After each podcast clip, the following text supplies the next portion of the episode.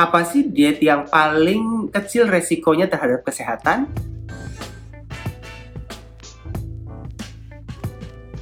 Banyak yang bertanya, banyak ini menjalani diet tapi tidak ingin mengambil resiko yang cukup tinggi.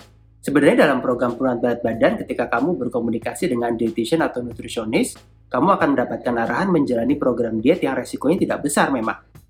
Adanya resiko itu biasanya kemudian ketika menjalani terapi tambahan, misalnya dengan obat-obatan atau melakukan prosedur pembedahan. Tapi ketika kamu menjalani perbaikan gaya hidup, perbaikan pola makan, sebenarnya kondisi atau frekuensi dari kejadian efek samping atau masalah-masalah yang muncul itu biasanya lebih sedikit. Kalau kamu ingin memulai dengan aman, saya akan sangat menyarankan memulai gaya hidup dan pola makan sesuai dengan anjuran dari pemerintah, yaitu menerapkan isi piringku.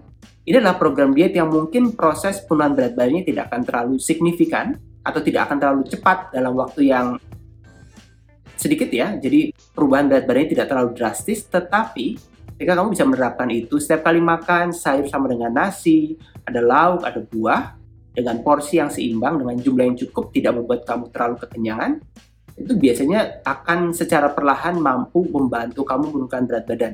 Mungkin waktunya perlu waktu lama, tetapi dengan memiliki habit yang baik, pola makan yang baik, kamu bisa menjaga penurunan berat badan itu dan nggak memiliki resiko efek yoyo.